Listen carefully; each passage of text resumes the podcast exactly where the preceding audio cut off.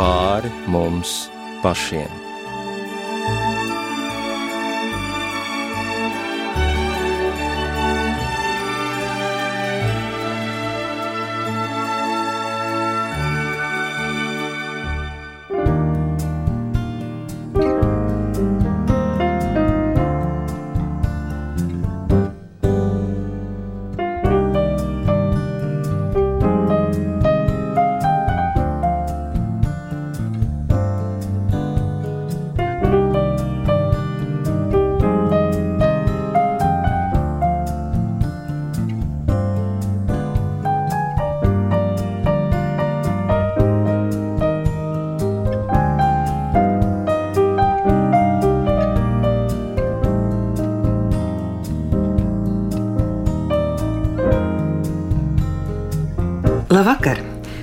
Raidījums pāri mums pašiem, to vada Rīta Brunēvica.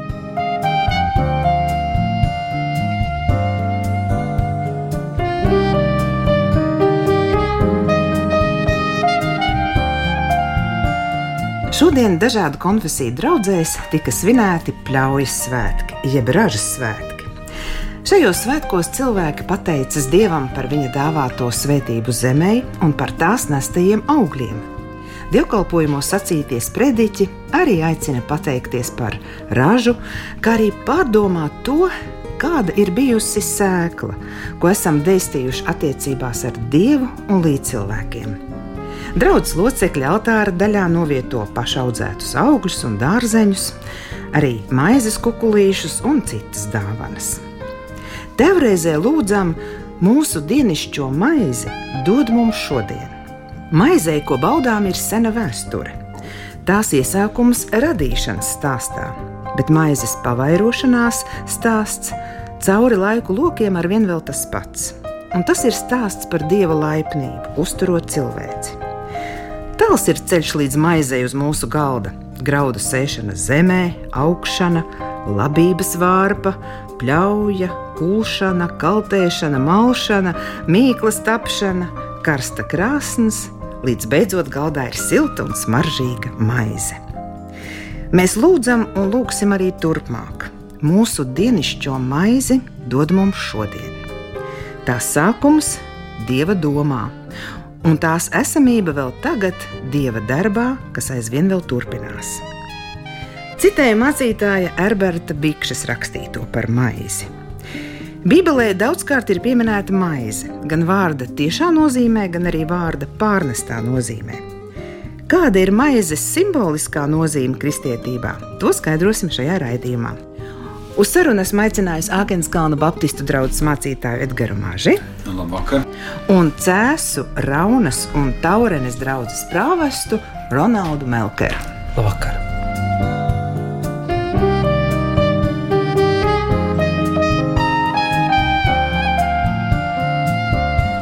Mēs īsti svinam pļaujas svētkos? Es jau šeit minēju, ka tā ir pateicība Dievam.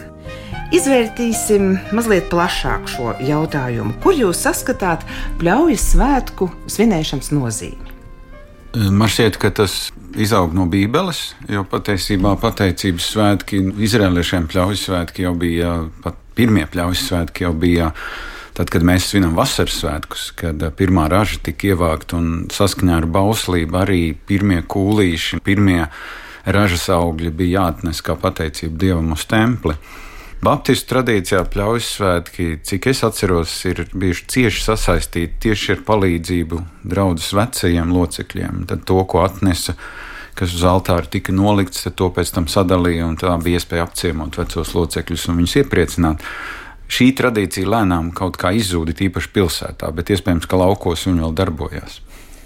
Un, protams, arī tur ir piepildīto cerību svētki. Tad mēs pavasarī vai tie ziemā, tad iepriekšējā rudenī daļu graudu upurējām, iesējām. Cerībā, ka viss notiks, un, un te nu tas ir noticis, jā, ir, ir piepildījies. Līdz ar to ražas svētki vienmēr pārspēja kādu agrikultūrālu tādu, tādu tikai jomu, jo mēs tik daudz ko sējam, tik daudz kur ieguldam, un, un tā raža var būt miljardos dažādu jomu, un nekad neaizmirst pateikties Dievam par to, pateikties tam, kurš deva lietu, kurš sargāja no vispārējā, kurš deva gudrību cilvēkiem, lai tie augļi būtu. Tā kā ražas svētki vārds paliek no lauksaimniecības, bet tie pilnīgi noteikti ir auglība, jebkāda veida auglība, kāda veida augļi. Dieva un cilvēku roku darbs tieši tajā ir tā, tā raža. Ja. Mēs vienmēr pateicamies Dievam nevis tikai par to, ka mēs izdarījām, vai ka Dievs izdarīja. Mēs neko nedarījām tikai, lai Viņš mums iedod, bet kad mēs darījām to, kas bija no mums atkarīgs, Dievs izdarīja to, kas no viņa atkarīgs. Un šī simbioze, šī sadarbība tad mūs ir atvedusi līdz augļiem, kuros mēs dalāmies un kur ir pārpilnībā, lai pietiktu pašam un sašam. Vai, nu, pašai un mašai.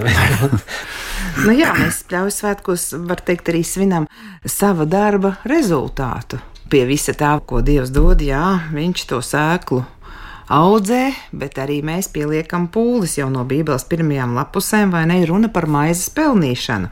Sava vaiga sviedros tev būs maize ēst. Tā rakstīts pirmajā mūža grāmatā. Tā tad maize ir sūra darba auglis. Jā, bet redziet, kā jau Ronalds teica, dažreiz var tas akcents tiešām tikai uz to darba augli. Redz, kā es esmu atradzis labāko metodi, es īstā laikā iesēju, eh, paskatījos, kad labāk aug un tā tālāk. Un tur tā pateicība Dievam paliek ļoti nosacīta. Tā pašā laikā Man liekas, Bībelē ir tas skaistais pants, ka tas, kurš dod eh, sēklu sējējam un, un arī maizi dod, tas arī vairo mūsu, mūsu garīgos labumus. Jo vienā ziņā nu, maize ir tik svarīgs vārds Bībelē. Es šeit domāju, fiziska maize. Pat tik tālu, ka sēdēt pie viena galda un ēst maizi ir kaut kas daudz vairāk nekā vienkārši aiziet uz McDonald's un sēdēt blakus svešam cilvēkam. Bet tā ir atkal viena doma tālāk. Es domāju, ka maize nu, arī latviešiem, piemēram, samīļo, ja maizes kukurītis nokrīt zemē, pacēl un samīļo, nekad neliec viņu otrādi. Tas izaug arī no tādas cieņas pret uh, maizi, ko Dievs dod. Un uh, par tiem vaigu sviedrām tas ir pat vairāk. Tas ir nemitīgs upuris. Ja mēs paskatāmies to maizes ceļu, vienkārši fascinē tas, kā arī bijušam, izbijušam konditoram. Nu, iedomāsimies, sākās ar to, ka, nu, pieņemsim, grauds to graudu nomet zemē. Viņš varbūt cerējis, būs Londonā, tur graudu muzejā man ieliks, varbūt man ir tur selekcionārs kāds. Nē, man vienkārši nomet zemē. Atstāja varbūt pa ziemu, ja es esmu ziemājis. Ja? Es tur mirstu, ja tur nesaprotu kaut kādu pārziemoju kādas saknes, pēkšņi man esmu kā čaula tur nopūst, ja, un tur kaut kāds zelmenis, tā kā, oh, varbūt man kaut kāds vegāns atradīs, uztaisīs uh, kviešu zelmeņu, to šotiņu izdzers, es tagad būšu stilīgs. Nē, man ļauj jaukt tālāk, es sašķiedrojos, man tagad ir visa smukā zaļā krāsa pazūd, ko dzeltens paliek, ja, un tad pēc tam kaut kādas pumpas parādās, un tad pēkšņi, ka, oh, graudi, jā, es kā graudi, jā, tagad tikai būs šņak. Nogriež mani, jā, pēc tam visu to manu nosauc par pelavām un skaisto ietērpu, ja, un atsijā un ieliek kaltē un atkal aizmirst un pārdod izsolē un vēl nezinu kas, un tad beigās nonāku dzirnavās. Man samaļ. Tad visu laiku nomiršana, nomiršana, nomiršana. Labi, kaut kāda milti beigās nonāk līdz tam konditorijas ceham. Tur labi, ja man neizskaista vienkārši, lai nepielīp pie galda mīkla. Ja es varbūt esmu daļa no mīklas, un tagad, oh, nu pat būs, jā, atkal man plēš gabalos, atkal tur rullēs pieži, tur atkarībā no metodēm, tur liek margarīnu virsū, vēl kaut ko, vēl kaut ko, vēl kaut ko. Izveido, nu tagad būs, nē, krāsnī iekšā, atkal jāmirst. Vienkārši visu laiku nāve, nāve, nāve, nāve pēc tam nelikt veikalā, nu, pat būs, ko tagad man darīja. Kāds iekožās iekšā, vai ne, un sākās atkal viens process, ja. Nerunāsim, kas notiek pēc tam, ja, un tad izaug zāle un tā tā. Bet, bet tas, tas process ir tāda nemitīga, nemitīga miršana, un es domāju, ka tas ir tas pēdējais un liela, un tas, kas ietver visu tās nianses pa vidu, ko mēs varam stundu runāt, pirmais ir, ir tas, ka tā ir sevis dāvāšana, tā ir nemitīga nomiršana, kaut kur, teiksim, runājot par lopkopību, nevis eh, augkopību. Piemēram, ja es saku, es jūs sūtu kā jērus vilku starpā, ja, tas nozīmē, es jūs sūtu pa barību, tas ir, jūs apēdīs, jūs, jūs samals zvēru zobi. Un vispār šo visu maizes vecā derībā, to mēs nevaram saprast, kamēr nav šī upura un derības un, un, un jaunās derības tā piepildījuma Kristu, kurš ir maize, kurš tas lehem, ja, kas dzimst Beitlehemā, maizes namā, ja, un, un, un, un kas kļūst mums par maizi, un tad viņā mēs saprotam, par ko ir stāsts. Un beigās, dienas beigās, domāju, kurš grauds ir laimīgākais, tas, kurš tagad palika tur kaut kādā iekapsulēts muzejā, ko viss var aplūkot. Bet saglabāja, negāja bojā, ja, vai kurš mira un atkārtoja. Tā kā tajā vienā, kas tā bija pa filmu bija fight, die, repeat, fight, die, repeat. Viņam visu laiku viņam vajadzēja kaut kāda bija tāda smieklīga filma. Un, uh, Cīnīties, ar... nomirt un atkārtot, ja? Jā, jā, tas man liekas, bija kaut kā Tomu Krūze vai ko tur bija, mm -hmm. bija kaut kāda jācīnās kaut kādiem citplanētiešiem. Bet tā ideja bija tāda, ka kurš brauc beigās, tad ir laimīgāks tas, kurš ir saglabājis sev neskartu, vai tas, kurš ir 15 reizes nomiris, pa ceļam vēl iedevis 30 citus augļus, kas turpina nest citus augļus un turpina varbūt jau sen pārvērties pa pļauju, un beigās nonāk kā maize uz galda un dod dzīvību, maize, dod dzīvību ēdājiem, piepildot augstāko, ko grauds var sasniegt, uzturēt cilvēku dzīvību. Ja. Tā ir tā viena tā, tā lielā tā upurlieta, ja. un otra lieta ir tas, cik tas viss ir pārējoši, ka tev ir katreiz jāatkārto no jauna. Ja, teiksim, es atceros tieši tajā savā konditorā, kas man tur bija tie daži gadi, vienkārši joka pēc. Tu uztaisīji, un tu uztaisīji kolosāli kaut ko. Cilvēks apēda, un viss tas ir uz to dienu. Mm. Ja kāds uzraksta dzējoli, ziedonis, tur pēc gadsimta vēl visu viņu skandinēs, bet to tavu izcilo piespiedu maizi apēda, tas brīdis bija labs, un tā tāda nemitīga arī tu nomirsti, nekrāji panākumus, tu nekrāji, tu nekrāji sasniegumus, tu esi brīvs no panākumu nastas. Ja? Vienkārši tā kā mēs lūkšanā sakām, mūsu dienas šiem aizdod mums šodien.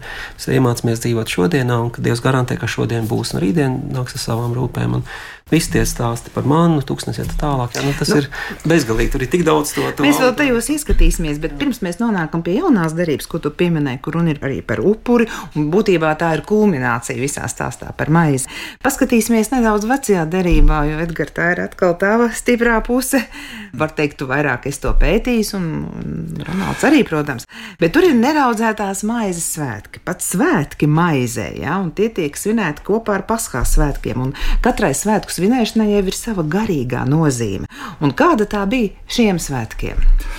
Interesants ir izrēliešu attiecības ar augu, un tieši tāpēc arī neraudzētās maizes svētki, jo bēgot no Eģiptes, jeb izjūt no Eģiptes, viņiem nebija laika tur gaidīt, kamēr tā maize uzrūks. Un, un līdz šai dienai arī ebreji lieto neraudzētu maizi. Pirms kāda laika es redzēju dokumentālu filmu, ka maca jeb neraudzētā maize ir jāizcep 80 minūtēs. Jo kaut arī tur nav auga, tur ir tikai milti un ūdens, pēc 80 minūtēm sāk rūkt. Un tad viss tas process ir tāds, ka stāv viens ar chronometru, un rabīns stāv blakus un skatās, ka viss notiek pēc priekšrakstiem, un tad šī, šī maize tiek izcepta, jo viņai ir jābūt neraudzētai. Līdz ar to, kāpēc ir augs tik slikts, nu, vienā ziņā tāpēc, ka augs maina substanci, augam ir tendence mainīt lietas un pienesot dievam upuri, tam upurim vajadzēja būt konstantam. Pat pienu nevarēja pienest dievam, jo viņš varēja sarūkt un tā tālāk. Bet šie svētki, jā, šie svētki ir atgādinājums tam, ka Dievs viņus izveda no Eģiptes. Un, ja pasaules svētki ir saistīti ar pēdējo mocību Eģiptē, kad nāves eņģelis pagāja garām izrēliešu namiem, kas bija nosmērēti ar rāžu asinīm, tad neraudzētie maizes svētki simbolizē tieši šo iziešanu, ka viņiem bija steigā jāiziet. Un tad vēl ir viena lieta, vecajā derībā ir, ir tā saucamās skatāmās maizes. Uz altāra ir 12 maizes, kuras veselu nedēļu stāv, kuras sauc arī par um, sejas maizēm. Kaut kādā ziņā tu uzlūko. Tas arī ir atgādinājums par to, ka Dievs gādā par tevi. Un tad nākošais sabats, kad nāk uzliek svaigas maizes, un tad tās drīkstēja pēc tam ēst, bet tikai priesteris. Tikai tie, kas kalpoja templī, tie drīkstēja šīs maizes ēst. Tagad tajā liturģiskajā viņu dzīvē maizē bija milzīga nozīme, un nevelti maizes laušana Jo patiesībā jau nebija tā, kā mums šodien nopērts jau, jau sašķērēta kukurūza, bet maizes laušana arī simbolizēja to kopību, ka tu varēji būt kopā ar cilvēkiem pie viena galda un ka tu dalies, ka tu dod no tā paša gabala otram cilvēkam.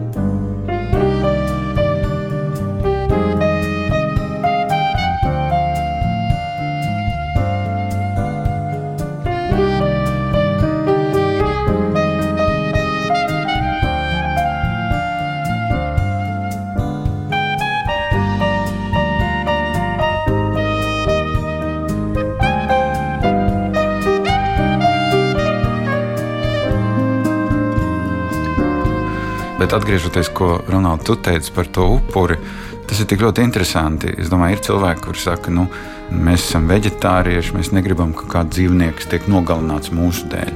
Bet tajā pašā laikā tas grauds nemitīgi tiek nogalināts. Un tad vispār ir jautājums, vai es kaut ko varētu ēst, ja kāds nenomirtu par to, lai man būtu ko ēst. Un liekas, ka tāda daļa nemaz nav gandrīz. Tur ir tā nianses, piemēram, starp atceries, ka toreiz tajā fermā gribēja zemniekam, dzīvniekam uztaisīt brokastis. Hemēnegs, jau šķiņķa ar olām, un tad viss piedāvāja cūkai. Tad cūka teica, jā, tev tas būtu tāda skaista dāvana fermerim, bet man tas būtu pilnīgs upuris. Un tā ir tas pats piens un tam līdzīgi varbūt arī ir. Un, un vēl viena lieta, Protams, tu tā negribēji teikt, ka augs ir slikts, sēne ir sēne. Bet Bībelē mums ir tās divas maizes, tā, tā maca, ja, ko tu saki, tā ir tā steigas maize. Un tad tur ir tāda, kā viņi sauc to hamets, vai, vai tā audzētā maize, ja, kas savukārt ko ēd nevis nomādi, kas iet, bet kas ir kaut kur nu, nofiksējušies kādā vietā, un, un tad tā maize kļūst kā tieši simbols tādai pamatīgumam, uzticamībai, ilgspējībai, dieva apsolījumam. Un, un vienkārši tajos neraudzētās maizes svētkos tiek uzsvērta tā, ka mēs esam nemitīgi ceļā. Un Jēzus bieži vien tās arī tās līdzības savā starpā, viņ, viņas ir, nu, tāpēc, ka tās līdzības, viņas runā par realitāti, ko nav iespējams ap, aprakstīt no dažādām pusēm. Piemēram, vienā mirklī viņš saka, jūs esat kā augs, jo nu, viņš salīdzina mūs ar augu mīklā, ka mazu gabaliņu Viņa burtiski sanāk, kas tas bija pa vārdu. Bija kaut tāds vārds tā kā paslēpja. Kripto, laikam, grieķiski. Tā saimniece paņēma gabaliņu mīklas, kurā bija tā sēnīte, iekšā auga sēnīte. Viņa mhm. paslēpa tur 30 kg mīklas, un tad gaidīja, kamēr viss sarūks. Un, un, nu, viņš saka, ka mēs esam kā augs, kas var saraudzēt zemi. Tur tajā pašā kategorijā, kā jūs esat zemes sāls, ka tā attiecīgi, nesabojājās un dot garšu un tā tālāk. Tas ir tas pozitīvais. Nu, jā, Protams, pozitīvais, jā. Pāvils atkal ieskicē to, to netikumības augu, kas mm. viņš saka, maz augu saraudzē mīklu. Tur ir, man liekas, jaunā derība un bībelē ir tiešām ir divas nozīmes raugam. Raugs pats par sevi nav slikts, bet raugs var darboties gan uz labu, gan uz ļaunu. Viņš ir neitrāls. Tāpat kā, kā durvis, ko uz eli vai, vai pēļu vārtu uz debesīm, uz ko tās durvis ved. Pašas par sevi durvis, bet durvis ir ļoti skaista līdzība. Jā, tu vari izmantot viņu gan vienā, gan otrā virzienā. Ir, tu pieminēji, ka um, vecās derības laikos viņu liturģiskajā dzīvē bija tā maizes sēšana. Vai? Un mēs arī par neraudzētās maizes svētkiem nu pat runājām. Un tieši tas pats ir arī mūsdienu liturģiskajā dzīvē. Jo Jēzus un viņa mācekļi ievēroja mūsu likumu, un viņi atzīmēja paskās svētkus. Pēdējā reizē, kad viņi to darīja, tad Jēzus iedibina pilnīgi kaut ko jaunu. Es to negribu saukt par pasākumu, bet tādu jaunu, nu, baznīcas valodā saka, iestādījumu, lai saprastu. Un tas ir kunga mīlestības, jeb svētais vakarēdienas. Kāda tur ir maizes simboliskā nozīme? Es droši, ka tas ir kaut kas pilnīgi jauns, jo tā jau ir jūdu šī paskas svinēšana, kur jūs turpinājums. Nu, viņš, ne? tur nevar būt pār, tas būtu uztaisīt to, kā tur pārāums, būtu tā kā kokam nocirst saknes. Bet redz, un... mēs Jēzu tagad nu, jā, pieminēt. Tas ir tas jaunais. Tas, jā, tādā ziņā, ka tās jā, saknes tur ir, tiešām. un, un bez vecās darības nav jaunās, un mēs nevaram saprast Jēzu bez visu šī mantojuma, kas ir pirms tam. Bet tanī vakarā tur notiek kaut kas pavisam neparasts, jo ir divas tādas lietas, kuras atstāja mācekļus vispār visus tādā, tādā līdz galam neatrisināti jautājumi. No vienas puses ir tie piedzīvojumi, kas tiek teikts par maizi un vīnu un, un vienkārši gadsimtiem cauri iet tāds kā tāds traumas, kas pilnīgi tā kā filmā kaut ko būvē, bet nav atrisinājumu. Kas tad beigās uz ko tas ved? Kāpēc tik liela uzsvars uz mājas, kāpēc tik liels uzsvars uz vīnu, kāpēc visi tie brīnumi un vispārējais? Un otra lieta ir, kas paralēli notiek ka Jēzus reizēm izsakās diezgan drosmīgi. Piemēram, viņš saka, kas nēd manu miesu, nedzer manas asinis, tam nav dzīves pašam sevī. Un Jāņa sastajā nodaļā, nodaļā jā, jā. Tur, tie, tur vesels divas trešdaļas vai cik to mācekļu vienkārši viņi, viņi saka, cieta ir runa, kas to var klausīties, un tie pārējie paliek tie tāpēc, ka viņi ir vienkārši viņi Jēzu pieņēmuši, bet viens no viņiem nesaka, ka viņi saprata. Man tas interesantākais tas, ka Jēzus nav noguris tajā brīdī, viņam nav demencija iestājusies vai kaut kāds prāta aptumsums, jā, viņš neskrien viņiem pakaļ, viņš pie tā paliek. Jā, jūs neēdat man miesu, nedzerat man asins, jums savu dzīves pašam sevi.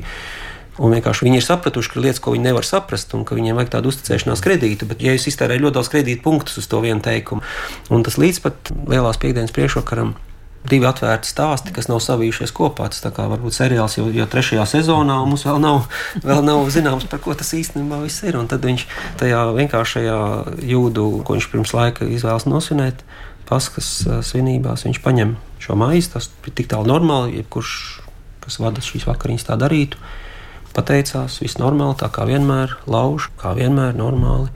Sniedz saviem mācekļiem, normāli.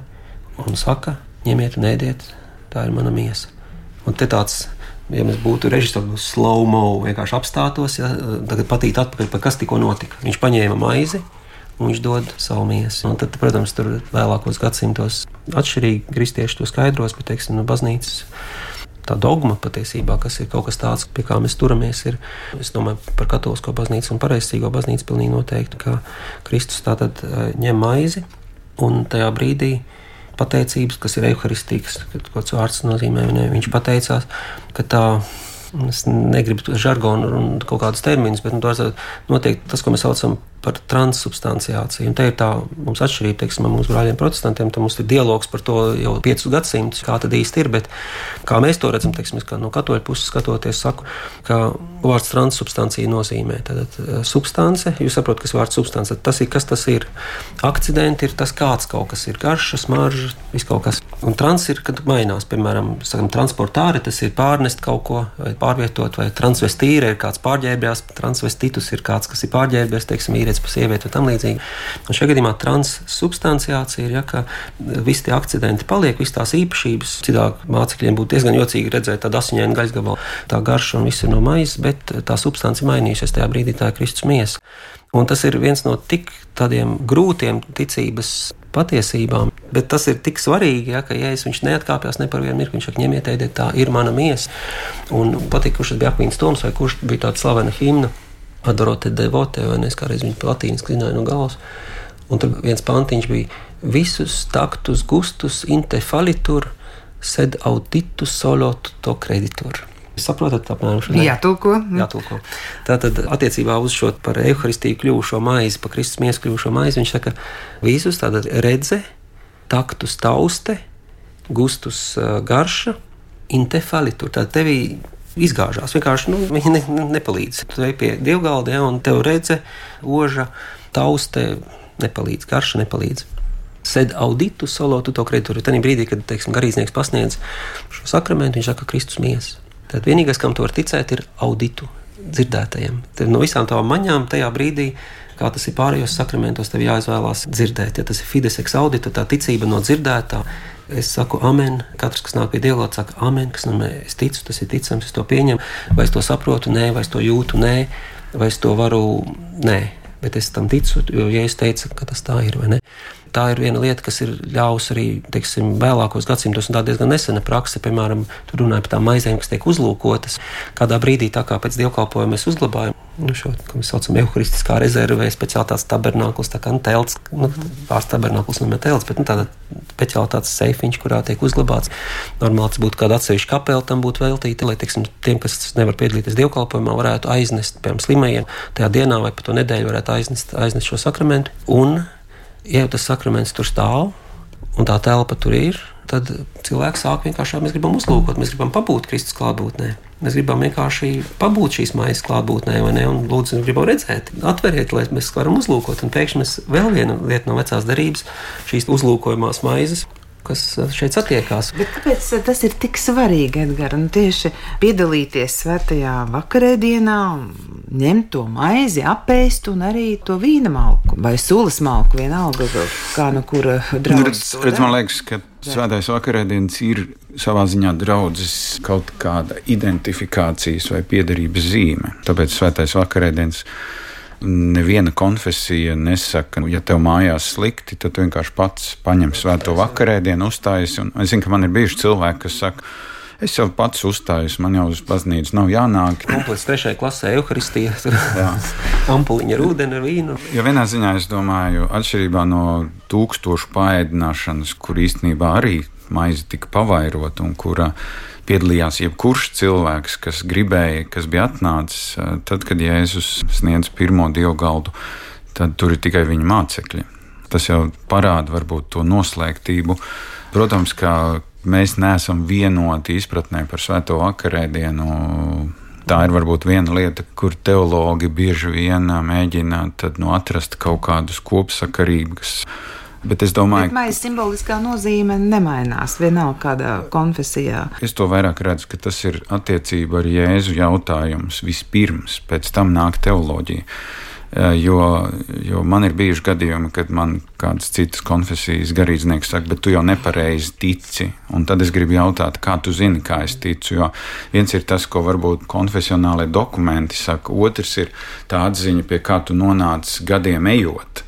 Un tajā ziņā es domāju, ne mēs esam tiesīgi vērtēt, vai cilvēks pareizi saprot. Jo cilvēks var pareizi izpildīt visas formulas. Viņš var, nezinu, viņš var aiziet pie grēksūdas un mm. perfekti visu izdarīt, bet tajā pašā laikā viņa sirds var būt pilnīgi neatdzimusi, un viņš var būt tālu no vis tā, un viņš to dara tikai formāli.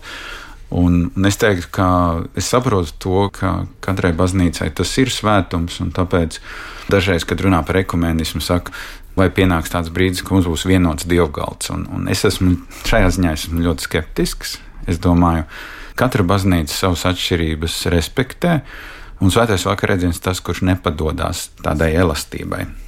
Un tur būtu jābūt mierā ar to. Tur nevajadzētu apvainoties, ka es aizēju pie kāda cita, un tur es nevaru. Vai, mm. Tā ir tā kārtība, ja, un varētu jau teikt, nu, kas tur nu, darām visu kopā, bet tas vairāk būtu tāds mīlestības mīlestības, ko sauc par agapi, kas pirmiem kristiešiem bija. Nu, viņi vienkārši varbūt sanāca pirms vai pēc dievkalpojuma, un viņiem bija sadraudzības mīlestības. Tas atkal ir cits līmenis, kur maize tiek lietot. Bet, bet tajā, es domāju, liturģiskajā sakramentālajā nozīmē maize simbolizē Kristu, simbolizē dzīvību, vai ne? Šajā, ja mēs runājam par maizes simbolisko nozīmi tieši šajā svētajā vakarēdienā, tad ļoti daudz šo simbolisko nozīmi. Jā, bet tieši ziņā, par vakarēdienu. No viņas, ko pieminēja par mm -hmm. ekumēnismu, ekumēnismu centieni kristiešiem atgūt vienību. Manuprāt, tieši maize ir viens no tiem ekumēnisma simboliem, jo tu paņem graudus, daudz graudu, jā, un varbūt pat dažādu graudus. Tu viņus visus samal vienos mildos, viņi kopā veido maizi. Tu, tu maizi ņemot, tu nevari nekad identificēt graudu, no kura tas ir. Un, un, ja mēs sakām, ka baznīca ir Kristus miesa, Kristus saka, ņemiet, ēdiet, tā ir man miesa, viņš dod maizi. Bet patiesībā maize ir tieši tāds pats uh, simbols vienībai, kā, kā Pāvils, teiksim, vēstulē korintiešiem 12. nodaļā un vēlāk, kā viņš par to runā par Kristus miesu, ka mēs visi esam viens un mēs nevaram pirksts, nevar pastāvēt bez pārējā ķermeņa. Un tieši šī eh, maizes laušana ir tā, uz ko mēs vienojamies. Un tā, un, protams, teiksim, ja gribētos drāmu ievest visā šajā stāstā, tad ļaunais gars, piemēram, ja es būtu tur sātans, tad eh, ko es darītu? Es uzbruktu tieši tam, kas ir vissvarīgākais, tiem, kas vislabāk izsaka šo vienību. Piemēram, ja tās būtu dažādas dāvanas, tad es tikai dažu cilvēku dāvanas atzītu un pateiktu, nu, kaut kā tur pēkšņi daži kalpo un pārējie tikai skatās kaut kā, ja tas būtu par maizi. Un par dievu klātbūtni vispār, tad es uzbruktu tam un grozītu, kamēr mēs atrastu kaut ko, kur atšķirās, kur mēs varam no, dažādām pusēm pastīties. Un, ojē, ir sašķēlies. Un, jo tas tiešām bija, kā teicu, tur, tur elastība pārāk liela nav iespējama, jo tas izšķirošais bija tenī lielajā, kad baznīca atšķēlās tā daļa, kas ir kad bija tieši tas, ka atšķīrās evaharistija. Tas ir viens no tiem pēdējiem pilieniem, kur teica, bet tur mēs nevaram iet tālāk. Mēs nevaram atkāpties no tā, ka tā ir Kristus klātbūtne. Līdz ar to tas ir tas, kam vajadzēja vienot, ir visvairāk sašķēlis. Un rezultātā man liekas, ka tas ir interesanti, ka mēs esam draugi jau cik jau 30 gadus vairāk, bet mēs pārāk reti tiekamies. Jo viena lieta, kas man atkal savukārt ir ir tas, ka es ceru savā mūžā piedzīvot to dienu, kad mēs sēdīsimies pie viena galda. Tas ir neiespējami, es tev pilnīgi piekrītu. Tā ir tā viena lieta, kas ir absolūti ne, neiespējama cilvēciski, bet kas nav iespējams cilvēkam, iespējams dievam. Un, Maize būs tieši tas vienojums. Es, es domāju, ja, ja tas ir tas, jā. Jūs klausāties raidījumu pāri mums pašiem. Šovakar studijā ir Cēzu Raunas un Taurenes draugs prāvests Ronalds Melkers un Rīgas Agenskalna baptistu draugs mācītājs Edgars Māžis. Mēs šovakar runājam par to, kāda ir maizes simboliskā nozīme kristietībā. Un šis temats ir izvēlēts tāpēc, ka šodien daudzās draudzēs tika svinēti pļaujas svētki, jeb kā mēs to savādāk vēl saucam, ražas svētki. Un mēs jau esam izrunājuši raidījumu pirmajā pusstundā, ka šie svētki varētu tā skaisti tos nosaukt par piepildīto cerību svētkiem, jo sēkla ir iesēta un tagad ir rāža, un mēs par to priecājamies un pateicamies Dievam, un tā ir Dieva un cilvēka sadarbības, nu, var teikt, rezultāta arī svinēšana. Un maizes simboliskā nozīme, kāda tā ir? Varu secināt, ka tā ir gan simbols nomiršanai, jo tas grauds tiek visu laiku apstrādāts, un viņam atkal un atkal ir jāmirst, līdz tas maizes kukurūzs nonāk mūsu galdā, un atkal mēs to apēdam. Tā tad tā ir nepārtraukta nomiršana, sevis laušana. Tajā pat laikā tas ir arī dzīvības simbols, jo Kristus saka, es esmu dzīvības maize. Un vakarēdienā, kad mēs to ēdam, tad arī tā ir dzīvība, jo kas uzņem mani, tam ir dzīvība sevī, Kristus saka atkal. Tas ir arī ekumenisms simbols, tas ir vienotības simbols. Turpināsim šo sarunu. Kāds simbols? Simbols vēl ir maize. Un, lai gan es mazliet vēl gribu apstāties pie tiem vārdiem, ko Jēzus saka, es esmu dzīvības maize. Kas pie manis nāks, tam nesauks, tātad tas nebūs izsaucis, un kas man tic, tam arī neslāps nemūžam. Tātad šis ielūgums skan ļoti vienkārši nāc un ņem, bet ko lai es ņemu? Nu, Jēzus šos vārdus saka pēc tam, kad jūdi viņu ir izaicinājuši un saka, nu, mūsu tēvi ir manēduši tuksnesī, un Un Jēzus saka, nu ne jau, kā saka, Mūzes jums ir devis to maizi, mans debes tēvs ir devis maizi. Nu jā, viņš saka, jūs, jūs tēvi ir dabūjuši mani, bet viņi ir nomiruši. Un es domāju, ka jūdi bišķi nesaprot to Jēzus uh, argumentāciju. Jēzus nerunā tādā mērā, kā manna, kas nāca no debesīm, tādā fiziskā nozīmē. Šķiet, ka Jēzus drīzāk grib pateikt, ka Pirms tam viņš vēl saka, ka tas ir Dieva darbs, ka jūs ticat tam, ko viņš ir sūtījis. Un es teiktu, ka tas ir ticības jautājums, un baudīt Kristu tas ir daudz vairāk kā, kā piedalīties svētajā vakarēdienā. Drīzāk tas ir jautājums par manu dzīvesveidu, par manām attiecībām, par to, vai kaut kādā veidā mana dzīve sāk atspoguļot Kristus domas, Kristus darbību, Kristus līdzjūtību un tā tālāk. Jo visvienkāršākais un visprimitīvākais varētu būt, tev katru dienu jālasa Bībele, nu tad tu uzņem, uzņem to dzīvības maizi caur evaņģēlīju, caur Dievu vārdu. Bet tā ir tikai maza daļa no tā, ko varētu saprast. Es esmu dzīvības maize. Jā, es domāju, tieši salikt kopā ar, ar, ar evaņģēlīju, ka tā ir. Ja es saku, cilvēks nedzīvo no maizes vien, bet no ikviena vārda, kas iziet no dieva mutes, tāda nu, no dieva vārda. Un, ja mēs paskatāmies teiksim, uz saviem tiem, cik tev ir 80 dzīves kilogramiem, Vairāk. Vairāk jau, ja nu man vēl desmit ir jāuzaudzē. Tad jebkura molekula manī ir tas, ko es esmu apēdis. Noskaitot, varbūt kaut kādas tur, ko es esmu ieelpojis, bet, nu, principā, mēs esam tas, ko mēs ēdam, nu, tīri miesas līmenī. Un garā droši vien tieši tāpat, ka mēs pārtiekam no surrogātiem un brīnamies, ka mūsu gars klibo un, un nīkuļo un neuzplaukst. Un, un mēs, tā kā tajos uh, Olimpiskajās spēlēs, pirmajās, kur bija, mums kādreiz bija skolā rakstīts, veselā miesā vesels gars, bija sporta zālē. Bet, tas teiciens kopumā bija kaut nu veselā miesā būtu arī vesels gars, jo redzot šos te atlētus, šīs attīstītās miesas, toreiz vēl nebija visi tie steroīdi, bet gars bija. Tā kā mazliet knapi dzīvo, ja vispār. Un, un tad Dieva vārds ir tas, ar ko mēs barojam sevi. Un ideja ir, ka nevis tagad mēs sludinām Dievu vārdu, bet tikai klausamies, ja, bet ka mēs kļūstam par Dievu vārdu, ja ka mēs nevis sludinām evaņģēliju, bet ka mēs kļūstam evaņģēlijas. Un tikai tad, kad mēs dzīvojam šo evaņģēliju, tad mēs varam to nodot tālāk. Mēs tagad pirms eh, divām dienām svinējām Terēzi no Lizjē. Fantastiski viņa tika pasludināta par baznīcas doktoru 97. gadā jauniešu dienās, un Jānis Pauls II tikai viņš pateica, ka viņš to darīs, un jaunieši kaut kādām minūtēm vienkārši pārtrauc pāvestu un aplaudēja, un tas bija vienkārši sajūsmē. Ja? Kaut kāda meitenīte, kas iestājas klosterī 15 gadu vecumā, 24 gados nomirsta tuberkulozi.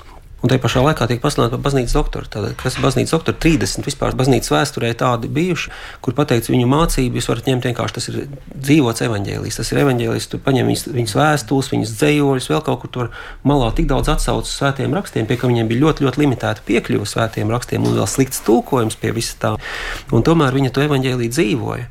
Un kur viņi to iemācījās, tas bija Lūija Zēlija Martēna, ja viņa vecāki, kuri evaņģēlīju dzīvoja. Tad viņi gribēja sev pilnībā veltīt dievam, viņi stājās klosterī, viens nemācīja mācīja latīņu valodu, viņai kaut kas nebija veselība. Viņus neuzņēma klosterī, viņi satikās, viņiem bija daudz, daudz bērnu. Bet tā kā viņš bija juvelieris vai pulksteņmeistars un zēlī bija tās mežģīnas taisīja, nu, ko skaidrs, ka vajag tagad viņam bija skaista māja, viss, bet Svētdienās viņu tā bodīt vienmēr tirgu bija cieta. Pat ja Lizijā pilsētā svētdienā bija tirgus diena, viņu veikals vienmēr bija cieta. Un cilvēki no citām Francijas malām brauca trešdienās, ceturtdienās, lai iegādātos tās viņas slavenās mežģīnas. Svētdienā viņi iet uz dievkalpojumu, tur bija dažādi ubagi, viņi tur nedēļa naudu, neko. Viņi vienkārši paņēma vienu no šiem ubagiem, mājās bija uzklāts galds, goda vietā bija, bija vieta priekš kādu no šiem ubagiem. Bērni pierada no nedēļas nedēļā, ka mēs pieņemam Kristu un mēs viņu tur jautājam tam cilvēkam, kā un ko, un iedodam līdzi visu kaut ko vēl tā, tam līdzīgā. Viņi dzīvoja šo evaņģēliju, rezultātā viņu bērni dzīvoja šo evaņģēliju. Nu, mums ir lielākā 20. gadsimta svētā. Un, un līdz ar to tas ir tas pats arī par to maizi. Ja? Nu, maize Viņa ir līdzeklis, viņa ir kaut kas, ko mēs saņemam, bet mums ir jākļūst par maizi. Ja, ja es saku, es esmu dzīvības maize, nevis es daru vai es dodu maizi, bet es, es esmu. Tas ir tas, kas mēs kļūstam. Un es domāju, vēl viens aspekts, ka tas arī paceļ mūsu dzīvību mūžībā. Jo savādāk tas būtu tikai šeit. Jā, tas arī aizved tālāk, jā, aizvedīs tālāk.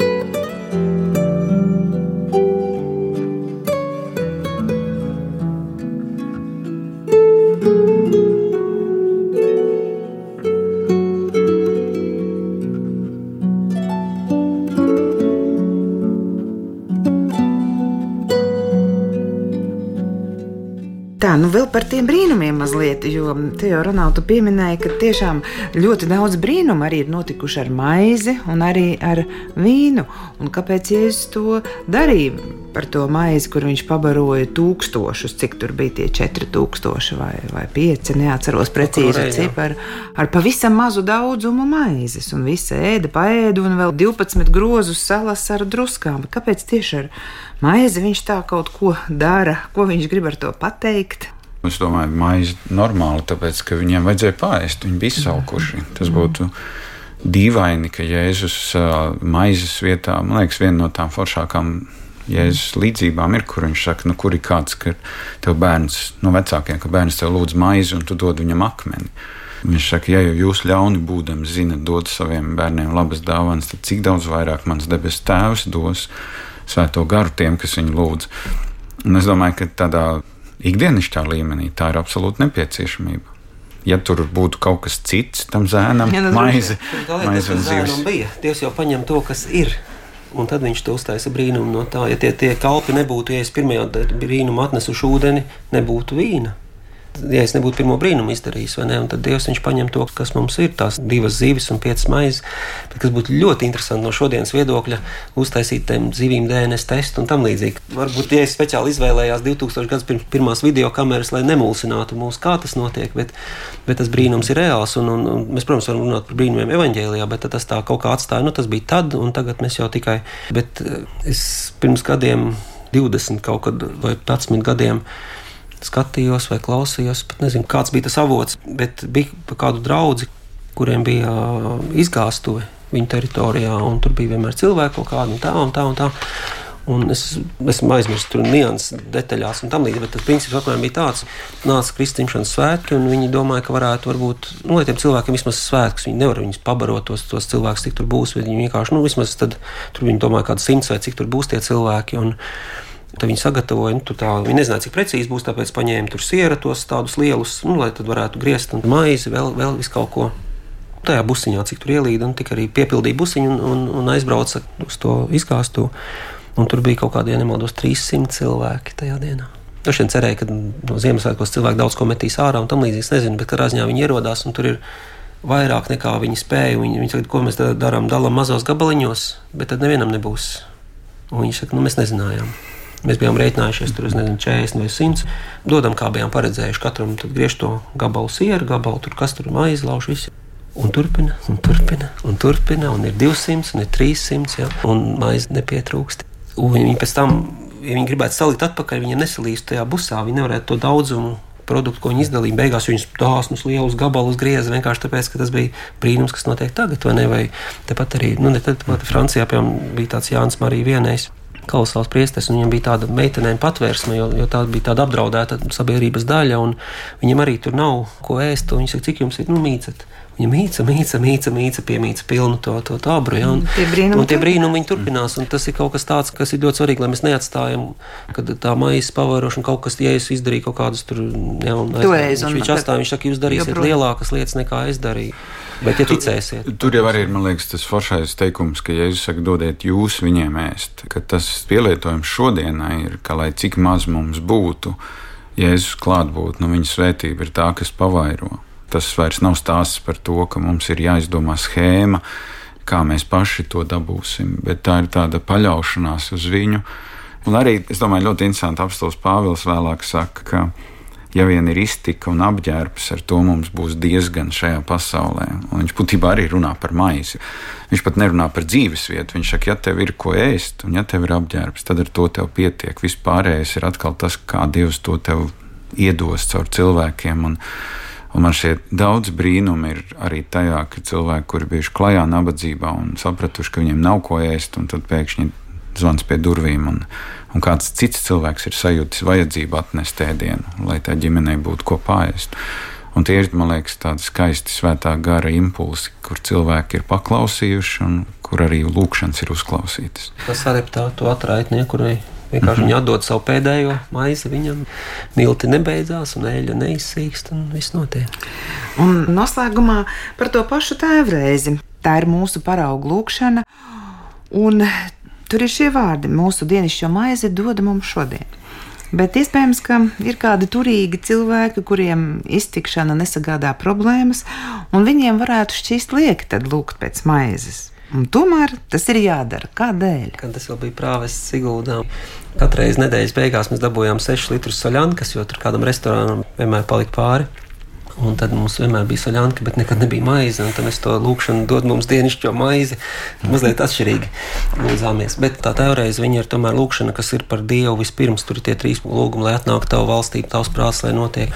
Un tad mēs pievēršamies tam pārējiem. Un es domāju, tas Matei 6,33, kur saka, ja tu meklē vispirms Dieva valstību, viņas taisnību, pārējais tev tiks piemests klāt. Un būtībā, ja mēs sakām, Dievs piemet mums pārējo klāt, tas ir zin, ko, palīdz mums meklēt to valstību, palīdz mums tiešām darīt to, kas mums jādara, kalpot tam, kur mums jākalpo. Un vienkārši tā lūkšana ir, ir, ir mēs, tas nav dod man šodien. Bet dod mums šodien. Un tā, tā lielākā problēma ir, ka mēs, ja es jums iedevu, kāpēc ir vienam procentam tik daudz un pārējiem tik maz, ja tāpēc, mēs nesadalām, mēs, iedomājamies, ka tas ir man, un tas jau neatiecās tikai uz maizi, tas var būt tavs dāvanas, tavs kalpošanas laiks, tavs varbūt tev ir vairāk laika. Dievs tev dod priekš mums. Lai mēs dalī, dalītos tieši tā, un tad mēs sakām, dienascho maizi dod mums šodien, un kad Dievs iedod, mēs sakām, paldies, ka tie devi man. Ne, tur tā problēma. Mēs meklējam to visu pārējo, un mēs koncentrētos uz maizi kā, kā tādu. Mēs, mums nebūtu laika par Dievu valstību vairs domāt. Bet es domāju, tas jau ir arī tāda forša paralēla ar, ar mannu tuksnesī. Tur tai mannai vajadzēja katru dienu viņu salasīt. Izņemot sabata dienu, kad tojās, tad varēja divas dienas, un tad tie, kuri salasīja vairāk, pēc tam viņi visi tur sabojājās. Tur atkal ir tas stāsts par to, cik daudz man vajag to maizi šodien. Jo es domāju, ka Dievs nedod mums tā, ka mums pilni šķūņi ir un mēs nezinām, kur likt, un tas sabojājās, un ciets ir un, un sapelē. Dievs dod tik, cik mums ir vajadzīgs, un tik, cik mums ir vajadzīgs, lai mēs varētu dalīties, būt paši pāēduši. Man liekas, tas labais Bībeles princips ir, ka, kā saka, ka tev pietiek pašam un paliek pāri vēl labiem darbiem. Ka tas nekad nav tā, ka ja Dievs dod, tad tur vienmēr ir tā korporatīvā dimensija. Dod, lai tu varētu arī ieraudzīt, kam vēl ir vajadzīgs tas, ko Dievs tev ir iedevis. Un es domāju, ja mūsu sabiedrībā būtu kaut kādā ziņā šī izlīdzināšanās, ka tie, kam ir vairāk, ka tie būtu nesalīdzināmi, nesautīgāk, ka viņi redzētu. Līdzīgi kā, es domāju, Boris Teterovs, kurš dzīvoja, kur moto bija es esmu saņēmis tik daudz savā dzīvē, tāpēc es tik daudz gribu dot savai Latvijai, es gribu atbalstīt. Un, liekas, ka viņš bija teicis, es gribētu nomirt ar vienu, vienu eiro vai vienu dolāru kabatā. Un tas ir tāds, es domāju, tāds mūsdienu nesautības piemērs, kur cilvēks, kurš droši vien arī lūdza mūsu dienascho maizi dod mums šodien, un Dievs viņam bija devis ļoti daudz, bet viņš lika nevis šķūņos bet viņš tik daudziem deva, un, un tagad pat pēc viņa aiziešanas tas viņa fonds vēl dos vairāk. Un man liekas, tas ir tāds pavairošanas brīnums, ka Dievs to, ko ir iedevis cilvēkam, ka viņš redz to vīziju, kuras to lietošu. Tas ir tas, ka Jēzus viņš, viņš runā par šaurajiem vārtiem un tā tālāk, bet tas ir cits temats, protams, par to neuzresnēšanu, nopelnu nekrāšanu, un ka mums, lai ieietu tajā debesīs, vajag, ja mēs tikai paši ņemsim visu, ko Dievs mums iedod, tad mēs netiksim debesīs vienkārši, bet ka viņš pats, viņš mirst, viņam pat apģērbs pēdējais, kas vēl viņam ir palicis, ir viņa tunika, viņa apģērbs, un par to saplēš, sadala un par tuniku met lozes. Viņš aiziet pilnīgi ar to pēdējo eiro pat nekabatā viņš iedod tam sargam, nu, nopērts bērnam saldējumu, ja, paliek viņš pilnīgi aiziet pa nulēm. Tas tiešām ir tāds ideāls, ka tu atdod. Un, Mīļie klausītāji, es arī pievienojos un gribu novēlēt, lai Dievs svētī jūsu roku darbu. Jo Dievs ir teicis, kas dod sēklu sējējiem, tas dod maizi ēdējiem, un lai Dievs arī svētī jūsu dalīšanos ar to, ko jūs eh, esat nopelnījuši.